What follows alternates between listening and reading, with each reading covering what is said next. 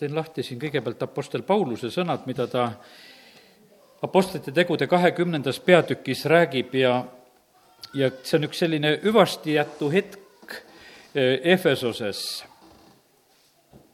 ja, ja siis ta räägib nõnda, kaheksateist salmi sealt edasi. kui need tema juurde jõudsid, ütles Paulus neile, te teate, kuidas alates esimesest päevast, mil ma Aasiasse tulin, ma kogu selle aja teie juures olen käitunud, teenides issandat kõige alandlikkuse ja pisaratega ja katsumustega, mis mind tabasid juutide salasepitsuste tõttu. kuidas ma ei ole teie eest pidanud salajas midagi teile tarvilikku, vaid olen seda kuulutanud ja teid õpetanud avalikult ja kodasid mööda ja kakskümmend seitse salm ütleb siinsamas, sest ma ei ole midagi teie eest salajas pidanud, vaid olen teile kuulutanud Jumala kogu tahtmist. kui ma praegu neid sõnu loen, siis ma mõtlen seda, et et vaevalt mina saan seda ütelda, nii nagu Apostel Paulus siin võtab kokku, ta oli seal kaks aastat Efesoses õpetanud, iga päev seal Türannose koolis, ta oli mitte midagi endale salajasse jätnud, mida Jumal oli ilmutanud ja, ja soovinud, et ta räägiks edasi, annaks. ja, ja sellepärast, kallid, eks see ole nõnda ka, et, et me peame rääkima nagu ka kõigest, mis on Jumala sõnas. paraku juhtub nii, kuidas me vahest isegi jumala sõna loeme, et loeme neid kohti, mis meile on armsad ja tuttavad ja loeme neid jälle ja jälle ja ja, ja siis vahest imestame, et näed, mida veel seal kirjas üldse oli. aga me näeme seda, et Apostel Paulus ütleb, et ei, see kõik, mis jumal on ilmutanud, et see tegelikult on kasulik ja vajalik meile ja ja, ja sellepärast täna ka. Ma mõtlen, et ega ma ei ole niimoodi vist kunagi rääkinud, ma täna õhtul tahan rääkida jumala vihast. Ja sest me räägime ikka alati jumala armastusest ja asjast ja sellepärast ma tegin sellise sissejuhatuse, et ma võtan, võtan teema hoopis teistpidi kätte, ma räägin jumala vihast. ja ma hakkan Apostel Pauluse eh, asjadest pihta ka. ja näiteks teeme lahti siin Rooma kirja esimese peatüki. Ja see on selline noh, ütleme tähelepanuväärne kiri, esimesel sajandil ta kirjutab kirja roomlastele, Rooma on sellel ajal selle maailma pealinn, noh, see oleks nagu, et kirjutaksime täna siit ühe kirja kas Brüsselisse või mis need tähtsad kohad on eh, antud hetkel või, või Washingtoni või, või noh, et leiad selle koha, kus, kus nagu selle maailma asja juhitakse, aetakse ja, ja sa läkitad selle, selle kirja sinna. Ja Apostel Paulus samamoodi, ta kirjutab ja, ja sellepärast ta kirjutab ühe sellise suure julgusega, Rooma üks ja salmid kuusteist kuni kaheksateist loeme. Need kuusteist, seitseteist on meile sellised väga tuntud ja armsad salmid, sest ma ei häbene evangeeliumi, see on ju jumala vägi päästeks igale ühele, kes usub, juudile esmalt ja siis kreeklasele. sest jumala õigus on ilmunud evangeeliumis usust usku, nii nagu on kirjutatud, aga õige jääb usust elama. aga nüüd see järgmine salm, see kaheksateist salm. ja jumala viha saab, eh, ilmub taevast inimeste igasuguse jumala kartmatuse ja ülekohtu vastu, nende vastu, kes tõde hoiavad ülekohtu kammitsas. Ja me näeme seda, et ega ta ei hoia tagasi, kui ta seda kirja kirjutab, ta saadab selle sõnumi ja, ja ta räägib evangeeliumist ja selle väest, aga sealsamas ta ütleb sedasi, et aga, aga jumala viha saab samuti ilmsiks. ja, ja see, see tuleb igasuguse jumala kartmatuse ja ülekohtu vastu, nende vastu, kes tõde hoiavad ülekohtu kammitses ja, ja siin esimeses peatükis ta eh, räägib nendest pattudest ka, milles elatakse, milles need paganad ka elavad, seal on just eh, ka need, ütleme, et kui jumalat ei austata ja kiideta, siis juhtub üks asi, juhtub see, et inimesed eh, satuvad väga kõlvatu mõtteviisi sisse, kakskümmend kaheksa salm, ja nii, nagu nad ei ole hoolinud Jumala tunnetusest, nõnda on Jumal nad andnud kõlbmatu mõtteviisi kätte, tegema seda, mida on väär. kakskümmend seitse salm lõpeb, ütleb, et, et see on selle eluviisi selline tulemus, see on selle e, paratamatu palk, et ja, ja sellepärast see kõik on nagu üheskoos, jumalat ei austa, inimesed satuvad kõlbmatu eluviisi sisse ja nad elavad selles pimeduses. E, noh, ma ei varja seda et seda seost, mis, mille pärast ma täna võib-olla ka seda kohta niimoodi loen, vaatasin, et meie riigi peaminister omast vaba ajast, omast rahast tahab käia selles geipulmas, et seal olla pildi peal ja seal seda kätte anda minu jaoks on see küsimus sedapidi, kas on nii suur pimedus juba, et enam nagu aru ei saa, mida peaks tegema või, või milles on küsimus. aga me näeme, kuidas Apostel Paulus, kui ta avab seda asja, ta ütleb sedasi, et, et inimesed kukuvad sellesse pattu nii, et nad enam lihtsalt ei mõista. tegelikult, kui jumal võtab valguse ära, siis on lihtsalt üks kohutav pimedus ja, ja, ja kohutav koledus. aga Apostel Paulus ütleb sedasi ka, et, et see kutsub esile jumala viha. täna meie noh, ütleme, et pühapäeval me rääkisime sellest, et head prohveteeringud Eestimaa kohta, ärkamine tuleb. aga teate, kuidas see asi käib? jumal on väga täpne oma asjades. ta päästab inimesi, aga, aga need, kes talle vastu panevad, need on paratamatult hukatuses. jumal teab päästa neid, kes olid Soodomas, ta otsib neid õigeid. tal ei ole mitte mingisugust probleemi, noh, ütleme, et neid eraldada ja, ja sellepärast täna, kui me räägime, räägime jumala vihast, siis see ei ole selline, selline noh, niisugune meeletu viha, mis mitte millestki aru ei saa, et lihtsalt lahmib umbes. ei, see on väga täpne see, see käib nii täpselt, et ükski jumala vihaotsus ei lange ennem, ta ootab seda, kui kõik tegelikult on sellisel hetkel niimoodi, nagu see olema seal peab. ta ootab seda ka, kui seal Lott oma perega sealt Soodomast välja viiakse. kui sellel, nendel on veel seal oma tahtmisi ja asju ja, ja veel, et ei saa nagu mendud inglid kiirustavad, tirivad kättpidi, tegelikult on see asi ja ennem, kui nad on sinna Soaari jõudnud, mitte ennem ei tule seda seda tulesadu sinna, sinna paika. ja sellepärast, kui me täna räägime jumala vihast, tegelikult on see niimoodi, et eh, kui ma lugesin täna neid vihakirja kohti, mis on, siis on noh, nii huvitav nagu leida, et seda keset seda jumala viha, kus seda jumala viha välja valatakse, seal on olemas need peidupaigad, kus me saame olla. et see, see ei ole nagu üldse sellel, sellel hetkel midagi hirmsat. E, ülistuse ajal tuli mul meelde see, kui ma istusin ise väikse poisina oma isas üles ja, ja isale rääkisin ka, et oma vanaema juures käimist, kui ma seal olin Kohilas ja siis ma ütlesin, et teate, et seal Kohilas, seal oli üks hirmus kole kuri mees nagu meie isa. ma istusin ta ises üles ja, ja ladusin isale sellise jutu ette, et üks nii kole kuri mees, kelle süles ma siis nagu istusin, nagu oma isa. ja, ja siis ma vaatasin, et isa ja ema näod läksid vähe teistmoodi selle, selle jutu peale ja siis ma seal midagi natuke silusin ka. aga kallid, tegelikult meie jumal ongi selline ma pigem nagu nägin seda, et, et selles on üks selline, kuidas ütelda, et selles on selline õiglus selles on üks selline julgus, selles on noh, ütleme, tarkus ja, ja see, ja selles ei ole kartust ja tegelikult juletakse asjad välja ütelda nii, nagu nad on. ja, ja, ja sellepärast, kallid, meie jumala viha on just selline. ta on püha jumal, ta on püha vihaga jumal ja, ja sellepärast ja, ja patu koha pealt ta on läbi aegade käitunud ühtemoodi.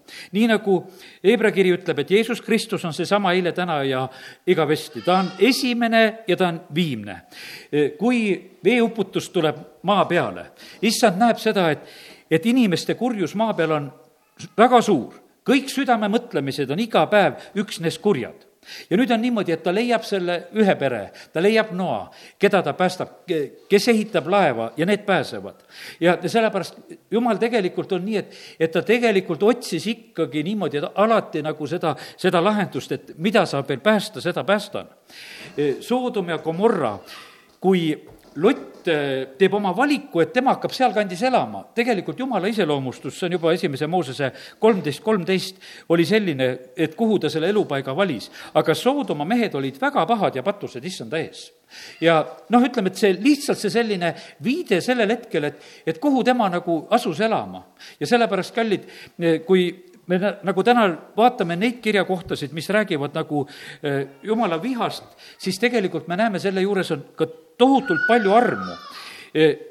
üks mees, kes tegelikult rändab koos Abrahamiga, teeb halva valiku läheb väga, väga kehva ja patusesse kohta, hakkab elama, leiab, et kuule, seal on nii ilus, seal kõik nii hästi õitseb, no nii, piibel väga hästi kirjeldab ka, et enne Soodoma hävitamist, et ta oli nagu Egiptus, ta oli nagu Eedeni aed, et see oli noh, lausa meelitav, et no tahaks olla kindlasti seal ja, ja kui Lotil on selline valik, Abraham ühel päeval ütleb, et kuule, et teeme nüüd niimoodi, et sina valid esimesena, et siia või sinna. ja ta valib kindla peale selle ilusa koha. arvestamata sellega, et, et see koht, kuhu ta selle oma valiku teeb, et, et see on väga, väga patune ja, ja paha. ja sellepärast, kui on võimalik, ära tee endale väga patuseid ja, ja pahaseid valikuid. sellepärast, et siin maailmas on linnasid, on piirkondasid, kus, kus see patt on lihtsalt hullemini kohal kui kohal. ja, ja kui on võimalik, ära vabatahtlikult nendesse paikadesse roni elama. ei ole, ei ole mõtet seda teha, ei ole mõtet otsida seda, et, et võib-olla mõned asjad väga meelitavad või mis iganes, aga ma mõtlen sedasi, et meil jumala kartuse tõttu tegelikult tasuks, tasuks küsida, et jumal, kas, mille pärast see on, kui jumal läkitab sinna patuse rahva keskele, et mine kuuluta, annab sulle selle ülesande. aga kui sa lihtsalt lähed, et ma tahan ka siin elada ja olla ja, ja et võib-olla siin on parem ja kergem, siis nähtavasti ei pruugi see üldse olla see õige lahenduse eesmärk, mille juurde minna. ja, ja sellepärast andku jumal meile alati tarkust, eriti neid võib-olla, kes eh, kes oma, kuidas ütelda, oma iseloomude ja asjade poolest on nõrgemad ja olen vahest mõnele nõu andnud et sa pead valima omale eh, paigad ja teerajad ja kohad ja tööd ja, ja vastavalt sellele, et, et, et sul oleks vähem kiusatusi. kui sul on vaba ajaga raskusi, et sa ei oska vaba aega hästi tarvitada, siis, siis parem vali niimoodi, et, et sul see vaba aeg ei jääks, no oled kaugemalt kodust ära, ma mõtlen, need, kes on eemal tööl, eks. sa oled kuskil eemal tööl, peret, kohustusi, asju ei ole, õhtud on vabad, nädalavahetused on vabad, mida tehakse, pattu tehakse. minnakse linna peale, käiakse siin ja seal ja kukutakse lihtsalt selle sisse, sellepärast et ollakse jõutee ja, ja sellepärast palju parem on see, kui sul on kohustused, kui sul on ülesanded, kui su, kui sul on nagu see selline noh, ütleme, see side oma perega, see tegelikult on sulle õnnistuseks ja abiks. ja me näeme seda, et, et siin eh, jumal on nagu väga jälgimas ja ta mõistab seda, millises maailmas me tegelikult elame. ja, ja hädakisa eh, esimese Moosese kaheksateist kakskümmend ütleb, siis ütles issand, hädakisa Soodoma ja Gomorra pärast on suur ja nende patud on väga, väga rasked. see, see olukord, mis ühel maal on, kuidas ollakse nagu pattudes ja pimeduses elamas, kus on, varastatakse, tehakse ülekohut, noh, ütleme, petetakse, tapetakse, noh, ütleme, et see käib võib-olla väga viisakalt, eks, et noh, nii paljuski nii, nagu ei, nagu ei märkaks ega teakski. aga tegelikult need asjad on tegelikult väga, väga selgelt Jumala ees ja Jumal ütleb, et hädakisa Soodoma ja Gomorra pärast on suur. E, ja nende patud on väga rasked ja, ja sellepärast millist signaali me anname tegelikult siit maalt? Siin ülistuse ajal ma saan selle pildi, et me oleme täna siin, me anname Jumalale seda signaali, me tõstame teda kõrgeks. siis ma vaatasin, meil on kuskil mingisugune ajavöönd, jookseb, meil läheb, paneb Iisraelist ja kõigest läbi, eks. et kus, kus me läheme, et on õhtu käes. me, ma usun, et ka Eestimaal on paljud kogudused ka praegusel hetkel, kes on Jumalat kiitmas, ülistamas, Jumala sõna juures palvetes. Ja, ja sellepärast tegelikult Jumal paneb nagu seda tähele, mis toimub. Aga, aga kindlasti toimub eh, siin sellel maal palju seda, mis on vale, mis on halb ja, ja sellepärast see kõik on tegelikult äh, Jumala ees. ja, ja siis on niimoodi, et äh, nüüd nutulauludest neli kuus on öeldud Soodoma koha pealt. Äh, neli kuus ütleb nii, mu rahva tütre süü on suurem kui patt Soodomas tegelikult seal käib jutt juba Iisraeli kohta. ja ta ütleb, et, et asi on hullem kui Soodomas ja nüüd on, tegelikult ma tahtsin nagu seda Soodoma kohta nagu öeldud siit välja tuua mis segi paisati silmapilkselt, kätega aitamata. ja sellepärast täna ma tahaksin ühe mõtte nagu ütelda seda, et, et osad asjad sünnivad eh, siin maal nõnda, eh, mida teeb Jumal.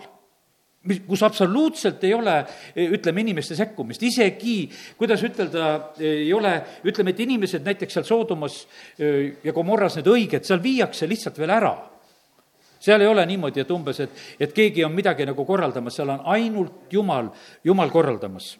ja, ja sellepärast, kallid, eh, kui me oleme täna siin, siis eh, me võime samamoodi tegelikult paluda seda, sest osades asjades on vaja seda, et, et eh, kus oleks Jumala sekkumist mis toimub Riias praegusel hetkel?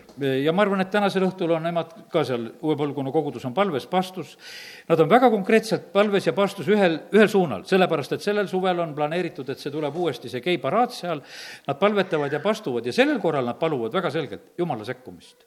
Nad paluvad, Jumal, sinu sekkumist, et meie ei lähe enam tänavatele piiblitega vehkima, me ei lähe sinna enam hüüdma, me oleme juba selle teinud, aga et sellel korral me palume Jumal, et sina sekkud.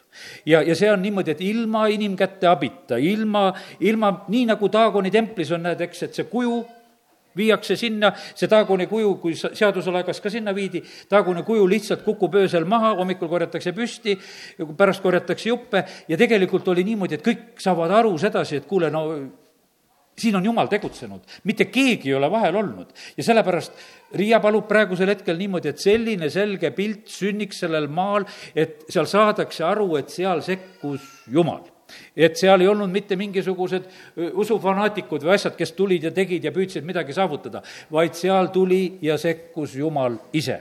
ja sellepärast Jumal on püha vihaga Jumal. tema teab, kuidas ta sekkub, millisel viisil ta sekkub. ja, ja sellepärast meie samamoodi võime olla need, kes me täna, täna palume seda. me teame seda Apostlite tegude raamatust, et vaata, kui, kui Herodes, kes läheb suureliseks ja see on Apostlite teod kaksteist peatükk, ja seal on ka selline jumala sekkumishetk. ma räägin neid jumala vihahetki praegusel hetkel nende piltide kaudu ja, ja kuidas Herodes tabab jumala kohus. kaksteist peatükk ja viis, ei, kahekümne kolmas salm eh, on öeldud. ja otsekohe lõi teda issanda ingel, sellepärast et ta ei andnud au Jumalale ja ussidest sööduna heitis Herodes hinge. ja, ja nii, et äh, rahvas on seal tegelikult, on niimoodi, et rahvas hüüdis ja seal kakskümmend kaks salm, et see ei ole inimese, vaid Jumala hääl, sest et Herodes võttis seal sõna. ja tegelikult vaata, anti au talle, jumaldati, tõsteti kõrgeks ja siis on niimoodi, et siis on selline eh, Jumala lihtsalt pauguga sekkumine, nii et ei ole eh, mitte mingisugust asja. kaksteist peatükk, millega algab? aga sel ajal hakkas kuningas Herodes mõnele kogudusest kurja tegema. ta tappis mõõgaga Jakobuse, Johannese venna ja siis eh, vahistas Peetruse, aga me näeme siis see eh, kaksteist peatükk, kui lõpeb juba, siis räägitakse meile Herodese surmast, kus ühel hetkel on tegelikult jumala, jumala kohus on eh, tabanud. ja, ja me kuulutame inimeste eva-, evangeeliumi, me püüame inimesi aidata, et nad tuleksid oma pattudest välja. me vahest teeme nendega neid päästepalveid ja, ja, ja korduvalt teeme ja julgustame ja räägime, aga täna tahaksin julgustada seda ka, et, et kus on koht kätte jõudnud, kus tegelikult tuleb rääkida Jumala kohtust, Jumala vihast, sellepärast et asjad lihtsalt ühel hetkel tabavad.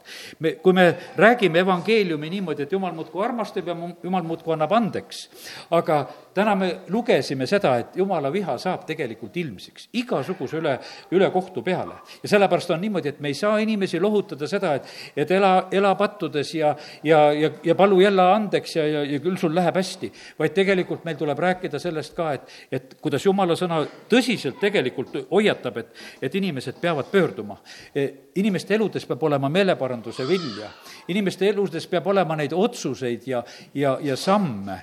ja, ja sellepärast, sest et muidu on see väga ohtlik, kus kui juba jumala viha tuleb, siis võib olla lihtsalt juba hilja ja, ja sellepärast nii need hetked on see teise ajaraamatu kakskümmend viisteist, see Joosafati aeg, ma ei, ei hakka seda praegu lahti tegema, aga aga ma lihtsalt nimetan ja võib-olla seda seoses nagu selle mõttega, mis on nagu ka, mida nad on Riias ootamas, eks, nad lihtsalt palvetavad.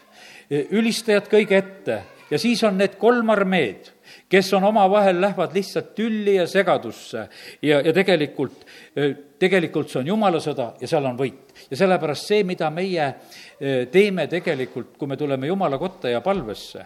sest et vaata, meie asi on, mis asja teha. meie asi on armastada õiglust ja vihata ülekohut meie jumal on täpselt selline.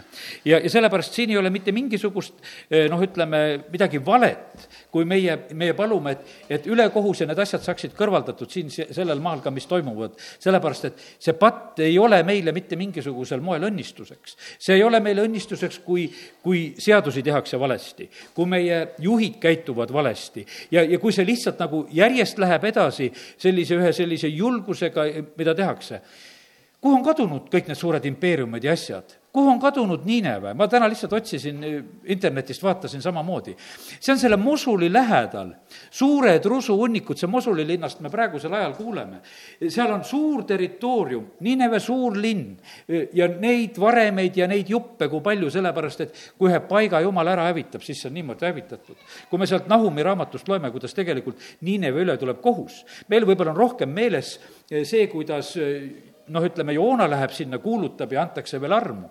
ja, ja siis nagu jääb selline tunne, läks, ühel päeval oli mõõt täis ja, ja, ja praegu on niimoodi, et ja need kohad, kus käib niimoodi jumala kohus üle, seal on lihtsalt varemed seal on tohutult palju, palju varemeid. me siin, need, ütleme, piiblikoolis räägiti, et ja siis käivad neid nendes varemates kaevamas, kus jumala kohtud on üles, üle käinud ja siis kaevavad neid neetud asju välja ja viivad veel koju ja, ja saavad omale needust ka, sellepärast kuule, neid kohti pole mõtet torkida, kus on jumala kohus juba üle käinud. kus on jumal selle juba lükanud, no ei ole sul seal vaja neid otsida veel, et, et seda needust veel sealt kätte saada ja leida.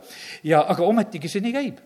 me teame seal, et mine Vasseliinagi kalmistu esimene ots ei maeta sellepärast, et katku ajal maetud inimesed on seal ja ei kaevata seal sellepärast, et me ei kaeva seda katku kohta ja me matame sinna kaugemale ja, ja sellepärast ei aita iga koht sorkida et, et ma lihtsalt lähen jälle sinna, et ma olen nagu üle.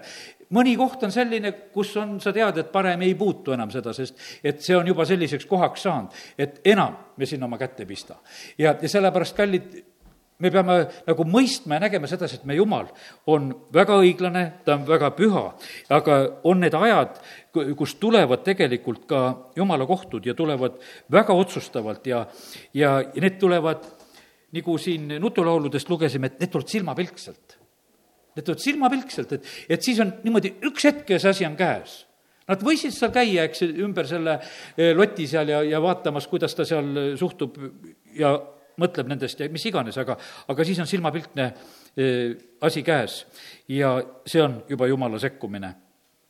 ja nüüd on niimoodi, et, et eh, Jeesus ise tarvitab, ütleme, seda Soodoma lugu ka, Mattius üksteist kakskümmend kolm ja siis ta räägib Kapernaumale ja tegelikult meie, meie suhtumine Kapernauma ja ma usun, et ka praegusel ajal, kes Iisraelis käivad, käivad Kapernaumas ja, ja on selline küllaltki aubaklik eks.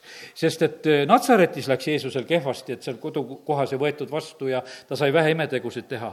aga Mattius üksteist kakskümmend kolm on öeldud ja sina, Kapernaum, kas sa arvad, et sind ülendatakse taevani? Ei, sind tõugatakse alla põrgusse, sest kui Soodomas oleksid sündinud need vägevad teod, mis sinus, siis ta oleks püsinud tänini.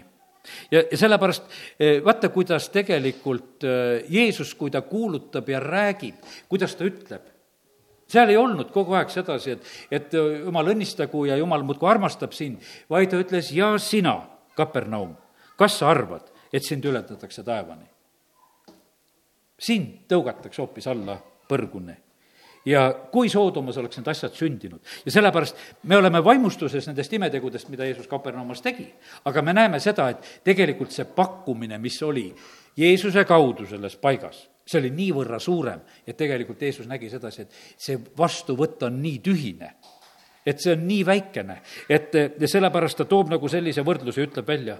ja, ja sellepärast, ja Peetrus kirjutab, kui ma võtan neid erinevaid, kes siin Uues Testamendis ütlevad, teise Peetruse kaks kuus, Peetrus tuletab samamoodi Soodomat ja Gomorrat meelde, ta ütleb, ta muutis tuhaks Soodoma ja Gomorra linnad, mõistes need hukka hävinguks ja pannes hoiatuse tähiseks tulevastele jumala kartmatutele et see ei ole mitte, mitte mingil mõttes niisama, vaid et, et need on hoiatuse tähised, et vaata, kuidas tegelikult, kui jumal hakkab kohut mõistma, siis, siis see on kohutav ja sellepärast olgu see hoiatuseks. juudakiri seitsmes salm ütleb nõnda, nii nagu ka Soodom ja Gomorra ja nende ümberkaudsed linnad, kes samal kombel hoorasid eh, nagu need inglid ja jooksid ebaloomulike imude järgi, seisavad juba hoiatuseks igavese tule karistuse kandjatena. me teame seda, et öö, oleme siin rääkinud ja õppinud nendest langenud inglitest, kes samamoodi käisid ja oorasid ja nüüd siin on, juuda kiri lihtsalt räägib sellest, ütleb, et ja, ja need ümberkaudsed linnad ja asjad, kes seal olid, kuidas nad elasid. mille peale tegelikult jumala viha tuleb? jumala viha tuleb, tuleb, tuleb, tuleb eelkõige ebajumala kummardamise peale ja ütleme, et üks punkt kaks, võiks ütelda, on hooramise peale, porno peale ja sellepärast on see niimoodi, et, et ja praegusel hetkel me näeme sedasi, et, et ka isegi Uut Testamenti, kui loed, osad need pornosõnad on pehmeks ära tõlgitud, ei pandagi hooramiseks. kui lihtsalt erinevaid kohtasid loed, aga kui loed kreeka keeles, siis näed sedasi, mida tegelikult öeldi, aga tõlgetes, noh, tehakse lause natukese ladusamaks või ilusamaks või ei tea, mis kaalutlusel nad alati seda teevad ja, ja sellepärast. ja, ja sellepärast, aga me näeme seda, et tegelikult mida sellel esimesel sajandil eh, jumala sõna kaudu hoiatuseks antakse, see on aktuaalne ka praegusel ajal meie, meie maal. sellepärast, et, et selle, selle häda küüsis tegelikult, kui paljud inimesed on. ja, ja kui nende asjade koha pealt ei ole selgeid hoiatusi, siis tegelikult on see väga kohutav. jumala viha ilmub taevast inimeste igasuguse jumala kartmatuse, pühaduse teotuse, nüüd ma seda Rooma üht kaheksateist ise nagu laiendan veel, vaadates nagu teisi tõlkeid ja sõnu iga, igasugune pühaduse teotus, igasugune rüvetamine, ülekohus, ebaõiglus, vale, truudusetus, kurjus, igasugune kahju tekitamine, kõige selle vastu tuleb siis ühesõnaga jumala viha ja nende vastu, kes tõde hoiavad ülekohtu kammitses. ja, sellepärast nii see on, et jumal on seesama ja tegelikult nii, nagu Paulus kirjutab esimesel sajandil roomlastele, nii, nii see jääb. ja nüüd on niimoodi, et, et niimoodi tegelikult vaata, Jumal näeb, kui tema vaatab maa ja rahva peale, tema näeb sellist pilti. meie inimestena, noh, näeme omamoodi ja, ja vahest niimoodi, kuidas me tegelikult tahaksime näha, võib-olla vaatame. aga jumal tegelikult näeb seda pilti, nagu see päriselt on. inimesed suudavad nagu üksteisele panna nagu teatud mõttes niisuguse eh, puudriga kaetud pildi. et natukese ikka klopid ennast kuidagi ilusamaks ja, ja, ja asja teed ära, et tegelikult ütleme, tegelikult on, jumala ees on see kõik tegelikult üks alasti kole värk, mis tema silma eest ei ole peidus aga kiitus Jumal, ta veel armastab. selles ei ole mitte küsimus, ma täna ei räägi sellest. täna me räägime sellest, et, et, et Jumala viha on reaalselt olemas ja mille pärast see veel ei ole taba, tabanud ja vahest on niimoodi, et noh, mõni, mõnel on ütelnud seda samamoodi ka, et, et sinu elus sa pead juba hakkama seda arvestama, et, et jumala pikk meel on olnud sinu üle juba väga kaua. Ja milleks see on? selleks, et sa meelt parandaksid. sellepärast, et, et see on sinu võimalus, aga ühel päeval eh, võib see lihtsalt olla otsas ja, ja siis on asi möödas. ja, ja sellepärast eh, aidaku Jumal, et, et need sellised hoiatused, mida meie peame ka inimestele ütlema, ei jääks nagu ütlemata. selle, sellepärast, et, et ka see hoiatus on suur õnnistus tegelikult inimestele. Efesuse viis kuus on öeldud, aga ärgu ükski petku teid tühjade sõnadega, sest niisuguste asjade pärast tuleb jumala viha sõnakuulmatute laste peale. aga mis asjad need on, mille pärast see viha tuleb, seda peab vaatama piiblist. mul on siin üks salm välja prinditud ja, ja tegelikult millest on siin jutt? näiteks kolmandast salmist samas Efesuse viiendast peatükis. aga hoorusest ja kogu rüvedusest, ahnusest ärgu olgu teie seas juttugi, nõnda nagu on kohane pühadele samuti riivatus, rumalad sõnad, sündsusetu lõõpimine ei sobi teile, vaid selle asemel olgu tänu. seda teadke kindlasti, et ühelgi oorajal ja kõlvatul ega ahnitsejal, tähendab ebajumala teenril, ei ole pärandit Kristuse ja Jumala riigis ärgu ükski teid petku tühjade sõnadega, sest niisuguste asjade pärast tuleb jumala viha sõnakuulmatute laste peale. siin Efesuse kirjas on, ütleme, need sõnad päris hästi eesti keeles ära tõlgitud, paika pandud ja räägitud, eh, mis asjad eh, on need valed asjad, milles ei tohi olla. teeme lahti kiri kolosslastele. Apostel Paulus paneb väga julgelt tegelikult eh, neid sõnu välja, mis on vaja.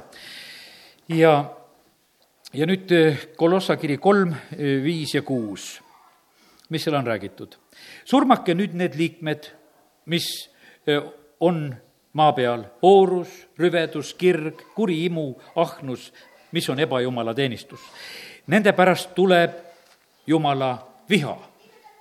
vaata, me me ei loe palju neid, me ei kuuluta palju neid ja, ja meid on õpetatud võib-olla niimoodi, et ei no selle hirmutamise ja viha peale, ei noh, inimesed ei tule ja, ja te ärme sellest räägi ja, ja noh, umbes ja, ja, ja minnakse nagu seda teed, et ikka armastus see tõmbab ja see on see. jah, ma ütlengi, et õige on jah, et armastus tõmbab, aga me ei saa selle juures nagu seda, seda salata ega varjata, et, et, et ka jumala viha on olemas kurat on nii oskuslik, et ta on seadusandluses ringi teinud selle, et patupalk ei ole surm ja see on nagu valvatakse siin selles maailmas ja mõistetakse nagu hukka neid riikisid, et kes, kes oma seadusandluses veel hoiavad surmanuhtlust. aga tegelikkuses on niimoodi, et, et kui seda sõna lugeda, siis on siin öeldud, et patupalk on surm. ja, ja see on seadusandluses sees ja sellepärast mina olen seda poolt, et iga riigi seadusandluses peaks olema see. teine asi on, seda ei pea täide viima selle karistuse, selle surmakaristuse on ära kandnud Jeesus ka. küsimus ei ole mitte selles, et, et me peaksime hakkama inimesi tapma, mitte selles ei ole küsimus, aga see fakt ise, et see tegelikult nii on. ja, ja sellepärast kohtu peal ütelda sedasi, et sinu tegu on tegelikult surma väärt. aga Jeesus on ristil surnud ja, ja ta on kandnud su karistuse ja tegelikult on selle tõttu sinul amnestia võimalus ja pöördu ära oma kurjusest ja rumalusest. ja me ei peaks seda salgama. aga kurat on ise niisugune meister, ta ütleb, et ei, et tegelikult on meil niimoodi, et tegelikult surma ei ole, sellepärast et me võtame selle seadusandlusest ka ära, me ütleme, et seda tegelikult ei ole, et ei olegi olemas sellist asja, millest inimest surma mõista. ja, ja see, ja see on, ja see tegelikult niisugune kohutav segadus ja pettus, mis asjades on. ja, ja siis, ja siis me oleme ise siin selles maailmas hädas et need, kes tapavad ja hävitavad teisi ja kes seda vanglas olles ka jätkavad, ja nad ise teavad, aga sina mind puudutada ei tohi, mina tapan su ära, aga sina mind ei tohi, sellepärast et seadus ei luba. noh, ja, ja nad niimoodi kekutavad tegelikult osad, need, kes käivad ja tulistavad ja tapavad eh, hulga, mõned riigid, näed, kes on. Ameerikas alles hiljuti ühe surmanuhtluse juures oli siin praegusel hetkel arutelu, mis seal oli. ja, ja siis räägiti, et kui eh, kui mõned surmaotsused ainult on viidud täide sealt kuskil kaheksakümne, kas kaheksandast või kolmandast aastast, eh, mis on üldse täide viidud, et aga see põhimõtteliselt osades osariikides veel säilib, eh, eh, see variant, et surmanuhtlus on ka olemas ja sellepärast täna ma räägin sellest, et jumala viha on olemas ja on olemas, täiesti surm on olemas. ja on igavene surm selles mõttes, et see teine surm, ühesõnaga, millest ei ole mitte kellelgi pääsu, see surm, kui me füüsiliselt sureme siis me lihtsalt lõpetame elu siin selle maa peal ja siis on surnute ülestõusmine. aga see teine surm, eh, mis on seal tulega põlevas järves, mis on ka samamoodi igavesti kestev. vaata, me ei saa seda eh, inimeste eludes eh, noh, ütleme nagu rääkimata jätta siin maa peal elades, et see ei oleks nendele mingisugune halb üllatus. et, et no ei räägitud ju sellest, vaid kallid, täna on see nii, et me täna räägime, et jumala viha on igal juhul väga reaalne ja, ja väga otsustavalt tegelikult see tuleb ka, kui, kui inimesed ei pöördu ära patust. jumala viha tuleb selle peale, kui ebajumala teenistusest ära ei, ei pöörduda, ei pöördu inimesed. ja, ja mis oli see Vana-testamendi ajal, kui ma lihtsalt nagu seda pilti täna maalin see oli niimoodi, Iisraelile oli käsuks, et ebajumala kujud tuleb hävitada, igasugused viljakused, tulbad tuleb hävitada, kõik see, mis on ebajumala teenistusega seoses, need asjad tuleb hävitada. uues Testamendis näiteks, kui me täna juba Ehvesuse linnast oleme rääkinud, siis need hävitasid oma nõiakunstiga seotud raamatuid, need põletasid, kas oli viiskümmend tuhat hõbetükki oli see väärtus, mille eest nad seal neid äh, lõket tegid ja põletasid, aga põhimõte oli selles, et, et olid asjad, mis kuulusid igal juhul juhul hävitamisele ja need valed asjad tuli lihtsalt, lihtsalt hävitada. ja, ja sellepärast ei ole Jumal ennast muutnud. Jeesus Kristus on seesama eile, täna ja igavesti. ja, ja sellepärast on see nõnda, et need asjad, mis mis on olnud ebajumala teenistuses, neid ei aita hoida. ja sellepärast on see niimoodi, et lihtsalt toon näitena seda, et et olid mu lapsed, tõid mingisugused kassetid, teiste käest said, mingi satanlik muusika oli peal ja, ja siis on umbes niimoodi, et kodus kuulatakse seda mina võtan selle ära, ma hävitasin ära viskasin ahju, põletasin ära. no nendel on muidugi, et oi, mis sa isa teed, et, et see pole üldse meie oma, teise pere omad peaks tagasi andma. mis siis, saatanlik värk läheb, kui siia ainult pistetakse see meie pere sisse, siis on teada, teada see, et see hävitamisele on määratud. ja mina ei küsi mitte kui midagi kelle käest luba, et kas võib või ei või. see on hävitamisele määratud, sest et jumala sõna räägib väga selgelt, et need asjad kuuluvad sinna. ja ei tulnud keegi minuga õiendama seda, et mida sa selle ära hävitasid. aga, aga noh, et ütleme, et meil peab olema tegelikult nendes asjades selline julgus ja otsustavus, et, et me toimime sedasi. vahest on meil selline, et, et eh, nagu, nagu ei tea, mida teha. aga täna tuletame meelde sedasi, et, et jumala seadus on üle ja, ja sellepärast meie oleme need, kes, kes peame julgelt neid asju ka toimetama.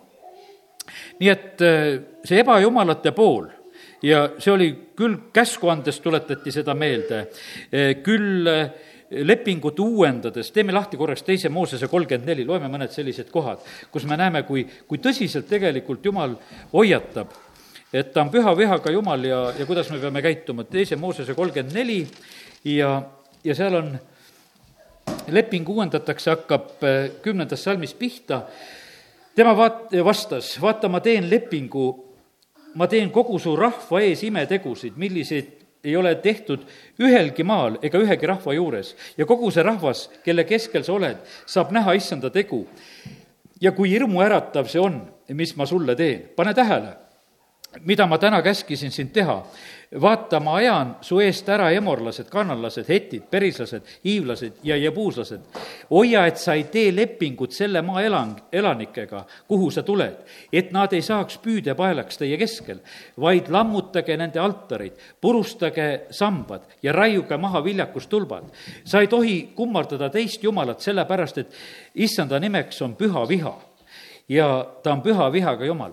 me õpetame ja räägime jumala nimedest. Ja harva me kuuleme siis seda nimede hulgast, et issanda nimeks on püha viha.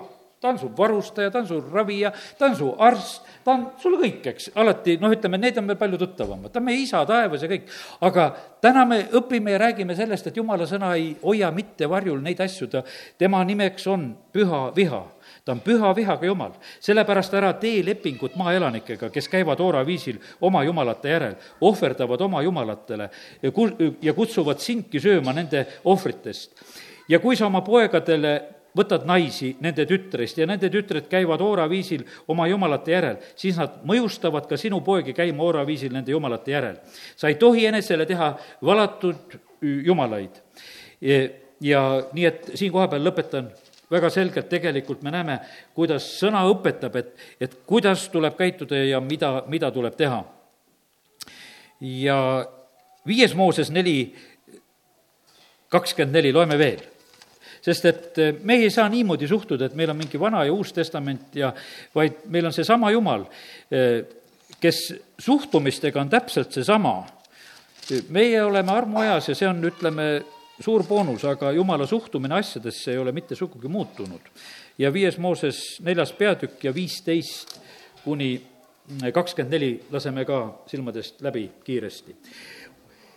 hoidke seepärast väga oma hingi, sest te ei näinud mingit kuju, siis kui issand rääkis teiega Hoorebil tule keskelt. ja et te ei tee pahasti, et te ei tee pahasti ega valmista enestele nikerdatud kuju, mõnd jumala kuju, mehe või naise kujutist, mõne maapealse looma kujutist, mõne taeva all lendava tiivulise linnu kujutist, mõne maad möödava roomaja kujutist, mõne kala kujutist, kes maa all vees.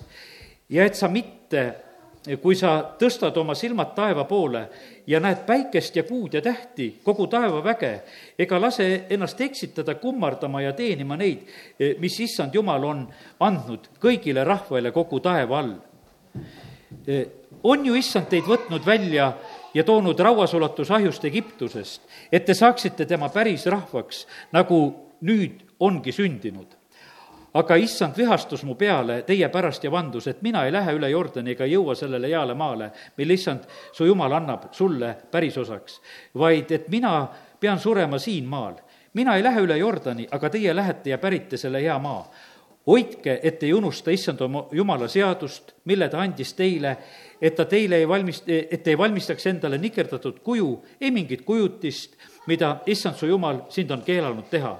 sest issand su jumal on hävitav tuli püha vihaga jumal nii et tegelikult sellise suure hoiatusega see käis. Ezekieli raamatus on tegelikult seal need pildid, et, et kui selle Ezekielile näidatakse, et ma näitan templit ja et mis toimub templis ja kes palvetavad seal ida poole ja, ja päikese poole ja kes teevad seda ja ja noh, et lihtsalt jumal nagu näitab neid pilte, et tegelikkuses eh, noh, mis, mis nagu toimub.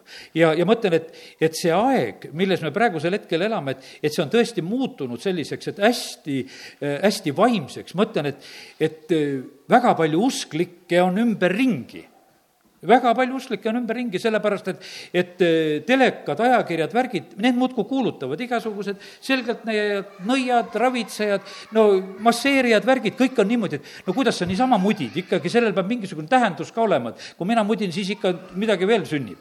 ja, ja sellepärast eh, see see on nii vaimne tegelikult on tehtud, see asi, kõik on hästi, hästi vaimseks aetud. ja, ja see, inimesed usuvad, aga kui no midagi ikka tähtsamat sünnib.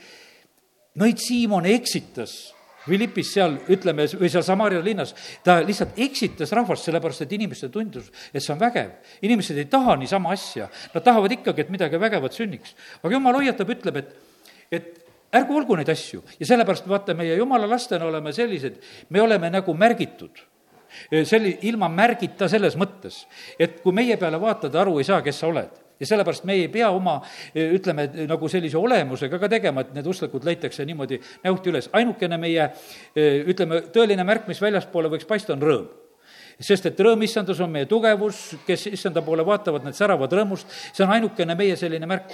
teised kannavad igasugu märke ja, ja sellepärast on, pole meil vaja mitte mingisuguseid asju. nii nagu oli seal, ütleme, Joona, kui seal laevas magab, no mis jumalat sina teenid, kes sa oled, mitte mingisugust märki ei ole, eks. keegi ei saa aru, teistel on kõigil aru saada, vaata peale, millist jumalat kummardab, keda teenib. sest et, aga meie oleme need, me kummardame oma taeva ja maa issandat, loojat, ja meil ei ole mitte mingisuguseid märke vaja. me oleme tema näo järgi loodud ja see ongi meie märk. meil ei ole mitte mingisugust kaunistust sinna juurde vaja, et, et me oma jumalale kõlbaksime.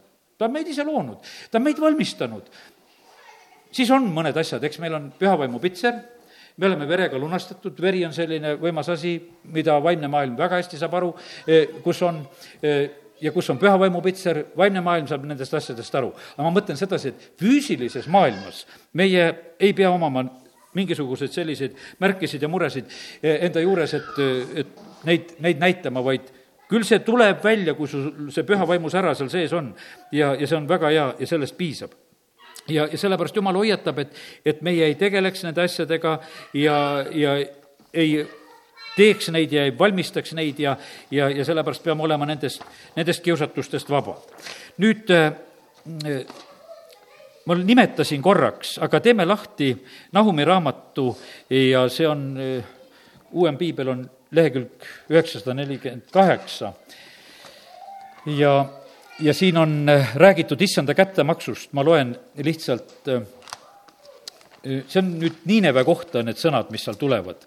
ja ja see on eh, Nahumi üks, kaks kõigepealt loeme ja lehekülg oli üheksasada nelikümmend kaheksa. nii. ja pane tähele, kuidas tegelikult, eh, kui tugevalt jumala sõna ütleb asju. ennustus Niineve kohta ja teine salm siis ütleb, issand on kättemaksja ja püha vihaga jumal. issand on kättemaksja ja ei raevu issand maksab kätte oma vihameestele ja on vihane oma vaenlastele. issand on pika vihaga. rammult suur. issand ei jäta kedagi karistamata. miks on pikameelne, issand on heldus ja alastus kõige, kõigest üle, eks me mõtleme, et noh, me ei ei pane ju sünnipäevakaardi peal seda salmi ja sellepärast no ei tea seda salmi nii väga, eks. aga täna ma, me loeme neid salme, et milline me issand on, milline on meie isa. ta on väga püha ja õiglane. tema tee on tuulekeerises tormis ja pilved on tema jalgade tolm. ta sõitleb merd ja kuivatab selle ning laseb taheneda kõik jõed. närbuvad Paasan ja Karmel, Liibanoni õied närtsivad, mäed värisevad tema ees ja kümkad sulavad, tema palge ees kerkib maa maailm ja kõik, kes seal elavad. kes võiks seista tema sajatuse ees või kes võiks taluda tema tulist viha? tema raev puhkeb nagu tuli ja kaljudki purustatakse tema poolt. issand on hea varjupaik häda ajal ja ta tunneb neid, kes tema juures pelgupaiku otsivad. vot see on niisugune kontrast, äkki loed, loed, niisugune pika vihaga jumal on ja siis tuleb see ütlemine, aga issand on väga hea varjupaik häda ajal ja sellepärast, kallid, me, jumal on selline, et, et ta ei lahmi lihtsalt see, seda ei ole kartagi, et, et ta umbes paneks. ta teab kõiki õigeid, ta, ta arvestab kõigi meiga, meiega ja sellepärast meie, me ei pea kartma. ja aga siin on tegelikult jumala sõna väga ausalt välja rääkinud sellest, et kuidas tegelikult asjad ka on. ja eks me võime näha sedasi, et Nepaali pilte oleme vaadanud, ebajumalad kukuvad mäed värisevad, raputatakse neid mitu korda, kui on tarvis, need asjad äh, sünnivad. mäed kõiguvad, künkad liiguvad, minu heldus sinu juurest ei liigu. ja sellepärast on see niimoodi, et, et issand on hea varjupaik häda ajal et isegi kui kõik väriseb ja on, sa võid olla tegelikult õnnistatud, hoidstud ja, ja kaitstud ja sellepärast äh, kui need kohtud käivad üle maa, siis meie võime arvestada oma jumalaga, kes nii käitub. Eh, neliteist salm eh, seal teisest peatükist ütleb, vaata, ma tulen sulle kallale, ütleb vägede issand. ma põletan su sõjavankrit suitsuks, mõõk hävitab su noored lõvid, ma lõpetan maa pealt ära su röövteo ja enam ei kosta su käskjalgade hääl. häda veresüüga linnale, kuhjaga täis valet ja röövimist. ei lakka mahamurdmine, kuuleb piitsaplaks ja rattamürin, kihutavad hobused ja rappuvad vankrid. ratsud ajavad end püsti, mõõgad sähvivad ja piigid välguvad ja maha löödud on palju, laipu on määratu hulk, korjustel pole lõppu.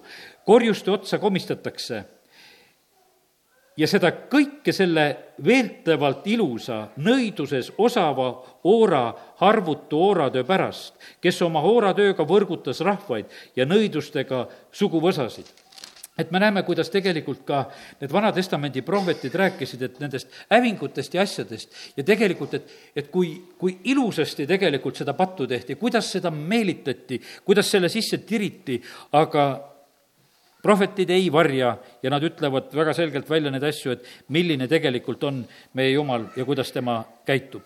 ja nii, et see oli nüüd Niineve kohta öeldud ja, ja siis Niineve varemed on seal Mosuli lähedal ja, ja tegelikult on see kuskil seitsme ruutkilomeetri suurune tellismüüriga piiratud ala olnud, see Niineve ja mis on nüüdisajal tohutu varemete väli, mida osaliselt katavad Mosuli eeslinnad. Et vaata, kus jumala kohus käib üle, siis on seal lihtsalt, lihtsalt on, lihtsalt on varemed.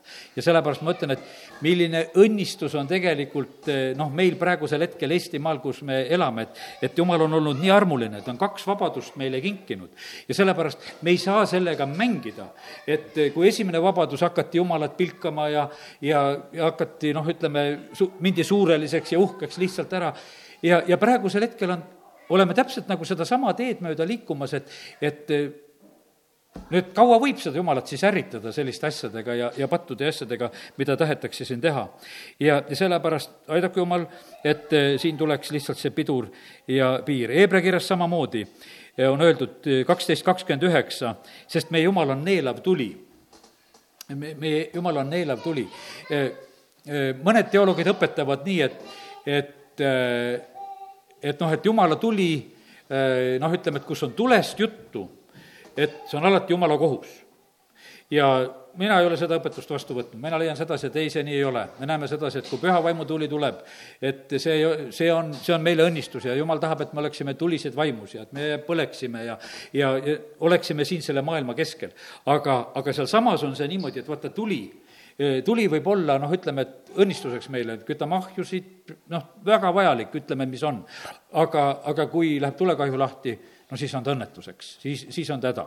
ja sellepärast on need suured jõud, et nad võivad olla nii ühte kui, kui teist ja sellepärast, aga siin me täna räägime just sellest poolest ka ja Hebre kaks üks ja kaks, kaks ja kolm ütlevad nii. sellepärast tuleb meil palju hoolsamini panna tähele seda, mida me oleme kuulnud et meid kõrvale ei juhutaks. sest kui juba inglite kaudu räägitud sõna jäi püsima ning iga üleastumine ja sõnakuulmatus sai oma õige palga, kuidas siis meie võiksime pageda, kui me ei hooli nii suurest päästest, mis alguse sai issanda enda kuulutusest ja mida meile on kinnitanud need, kes seda siis kuulsid. ja tegelikult vaata, kui Mooses saab käsud ja kui ta on seal mäe peal, tead, siis rahvas ju tegelikult väriseb välgud ja, ja müristamine ja, ja jumal on seal tule sees ja, ja ärgu keegi seda mäge puutugu, ei loomad ega mitte keegi, et ära ei sureks ja tegelikult oli see noh, ütleme see jumala selline noh, kohaletulek oli selline, et see oli nii hirmutav, et inimesed ütlesid, sina, Mooses, mine räägi temaga. ja aga et meie, meie ei taha sellest kuuldagi ega nähagi, aga aga kui Mooses tuleb tagasi, mis siis Moosesele öelda? tema pale hiilgab eks. tema, tema on saanud tegelikult õnnistuse ja, ja sellepärast ja ta jagas seda edasi ka. nii et kiitus Jumalale, et, et, et Jumala sõna meid hoiatab ja räägib. Jumala sõna on tegelikult väga hoiatav. ma täna lugesin näiteks seal noh, ütleme, Korahi laste või seda eksimust, see, see jõugu vastu akku. maa neelab. seal edasi tegelikult need viiendas Mooseses ei neljandas Mooseses on need peatükid, jah, ja seal kuusteist kuni seitseteist ja kaheksateist, kaheksateistkümnendas peatükis on öeldud, et ja räägitud sellest seitsmendas salmis, et, et kus on preestri amet antud, et ma annan preestriameti teile kingitusena, aga võõras, kes ligineb, surmatagu. ja tegelikult oli lihtsalt, et seal ei alistatud jumala korrale. Aaroni pojad pidid olema preestrid, leviitidel oli templis oma ülesanne ja, ja tegelikult oli selline, et, et neid asju taheti lihtsalt rikkuda. ei aita rikkuda ei aita rikkuda ja sellepärast on niimoodi, et, et need kolm peatükki, me ei jõua täna siin nende juures pikemalt peatuda, aga lihtsalt nimetan seda, et, et seal me näeme sedasi, et kuidas tegelikult on Jumal jälgimas, et kord oleks majas ja, ja sellepärast olgu meil Jumala kartus tema seaduste ja kõige selle ees. seaduse laeka kandmine, eks, kas paned vankri peale ja, või või lased päris õlgade peal kanda. no mis seal palju vahet on, eks?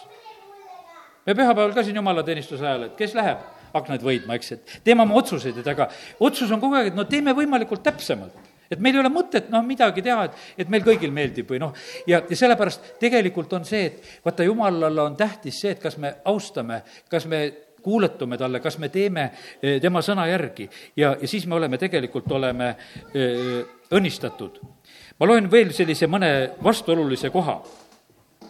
ja üks koht sealt Nahumi raamatust panite tähele, tohutu pika vihaga jumal ja siis on väga hea on tema süles olla. et ta on mõn-, mõnus jumal, et sinna tasub pugeda. aga näiteks Jesaja raamatu üheksa kuus ütleb, suur on valitsus ja otsatu on rahu Taaveti auäärel ja tema kuningriigi üle, et seda kinnitada ja toetada kohtu ja õigusega sellest ajast ja igavesti. ja kes seda teeb? Vägede issanda püha viha teeb seda. et see on no nii vägev tegelikult, kuidas Jumal teeb, et, et neid asju, mida ta teeb, ta teeb väga otsustavalt. või Jesaja raamatu kolmkümmend seitse, kolmkümmend kaks. sest Jeruusalemmast tuleb välja jääk ja siiani mäelt pääsenu, seda teeb vägede issanda püha viha. et Jumal viib oma plaanid täide tegelikult, ta asjad sünnivad ja, ja siin on sõna räägib, et seda, et, et tegelikult Jumal teeb seda, tema viha teeb seda. kuidas eh,, kuidas Uues Testamendis me loeme eh,, rist Johannes kuulutab, visklabidas on ta käes, eks, aganat ta põletab ära kustutamatut tulega. kirves on juba puu juure küljes. Need ei ole sellised, noh, ütleme nii, noh, ütleme, niisugused kerged jutud, et, et kuidas on, et kirves on juba ju juure küljes visklabida peal oled. ega meil kellelegi ei meeldiks olla, kui seda vanasti, seda vilja peksmist, eks, et tuulatakse või pekstakse ja siis lihtsalt aganad lendavad ja oled seal labide peal, pillutakse ülesse. visklabidas on käes. vahest võib olla su elus selline hetk, et sa oled seal visklabida peal. ja kui sul on õige kaal, siis kukud õigesse kohta. kui kaalu ei ole, parem olla kaalukas. ja muidu viib tuul minema. ja, ja, ja, ja sellepärast ja sõna ütleb seda, et lihtsalt, lihtsalt nõnda juhtub. sest et ja, või teine, teine pilt on see, et, et kuidas jumal asju tegelikult lahendab, ta lahendab niimoodi, et et ta eraldab nagu räbu hõbedast, eks, tuli. sest et kus sa saad seda puhast kulda, kus sa saad puhast hõbedat? lihtsalt on jälle, issanda püha viha teeb seda, ta lihtsalt paneb selle värgi põlema, see peab olema kuum, seal toimub eraldamine ja kullaga ei juhtu mitte kui midagi. kõik kuld tuleb puhtalt välja mitte midagi ei ole karta, et kullaga tules juhtub. ta tuleb väga puhtalt sealt välja, puhtamana välja, kui ennem sinna tulle läks. ja sellepärast on see niimoodi, et see võib tunduda kuidagi, et väga radikaalne või kuidas niimoodi, kas, kas teistmoodi kuidagi ei saaks. aga ei saa teistmoodi ja sellepärast Jumal ja tema meetodid on väga võimsad, sest issanda päev tuleb nagu põlevahi ja kõik ülbed ja kõik, kes pattu teevad, on nagu kõrred. ja see päev tuleb ja põletab nad ära, ütleb vägede issand. ei jäta neile ei juurt ega oksa ja ühesõnaga täielikult kõrvaldab juurest kasvad edasi ja oksatorkad ka maha, hakkad uuesti kasvama, jumal ütleb ei, ma põletan oksad ära ja ma põletan juured ära ja ja vaata, ne-, nemad ei pea edasi minema, üldse lõpetan nendega ära, ei ole vaja, et see asi veel edeneks. ja, ja sellepärast nii on. ja, ja mingis mõttes me võime praegu nagu näha, kui Jeesus ütleb seda ka, et, et eh, praegu on ka selline aeg, et eh, laske mõlemaid ühtemoodi kasvada lõikuseni ja lõikuse ajal ma ütlen, ütlen lõikajale, koguge esmalt raihein ja siduge kimpu põletamiseks, aga nisu pange kokku mu aita. ja sellepärast on see niimoodi, et eks me näeme, et, et see selline eraldumine käib. ja sellepärast ega, kui ma siin algasin, et ei saa vahest aru, et miks me juhid käituvad niimoodi, aga aeg on selline, püha läheb pühamaks ja rõve läheb rõvedamaks. ja, ja lihtsalt meil on nagu natukene naljakas nagu vaadata seda, et noh, miks, miks nad peavad järjest rõvedamaks minema. aga vaata sellepärast, et kui sa oled selle tee peal ja kui sa sealt ära ei pöördu, siis sul pääsu ei ole, sa lihtsalt lähed, sa lihtsalt progresseerud seal. aga meile on tõotatud seda et meie progresseerume pühaduses, me läheme püha, pühamaks ja siis on meil tegelikult see eraldus tegelikult läheb järjest suuremaks ja sellepärast on meil järjest imelikum siin selles maailmas. mõtleme, et miks nad nii rumalad on, miks nad niisuguses pimeduses on, aga sellepärast, et seda vahet lihtsalt käristatakse sisse. ja sellepärast see vahe tuleb niikuinii, sest et jumal ühel päeval eraldab ja sellepärast meie e, elame siin selles, selles maailmas, kus need asjad sellisel moel käivad. aga meie, kes me siin äh, oleme, ei pea äh, mitte kartma ka siis seda tõde välja ütelda nendes kohtades, kus on vaja ja, ja sellise julgusega, kus on seda vaja, sest see tegelikult tuleb õnnistuseks. tõde teeb vabaks, aamen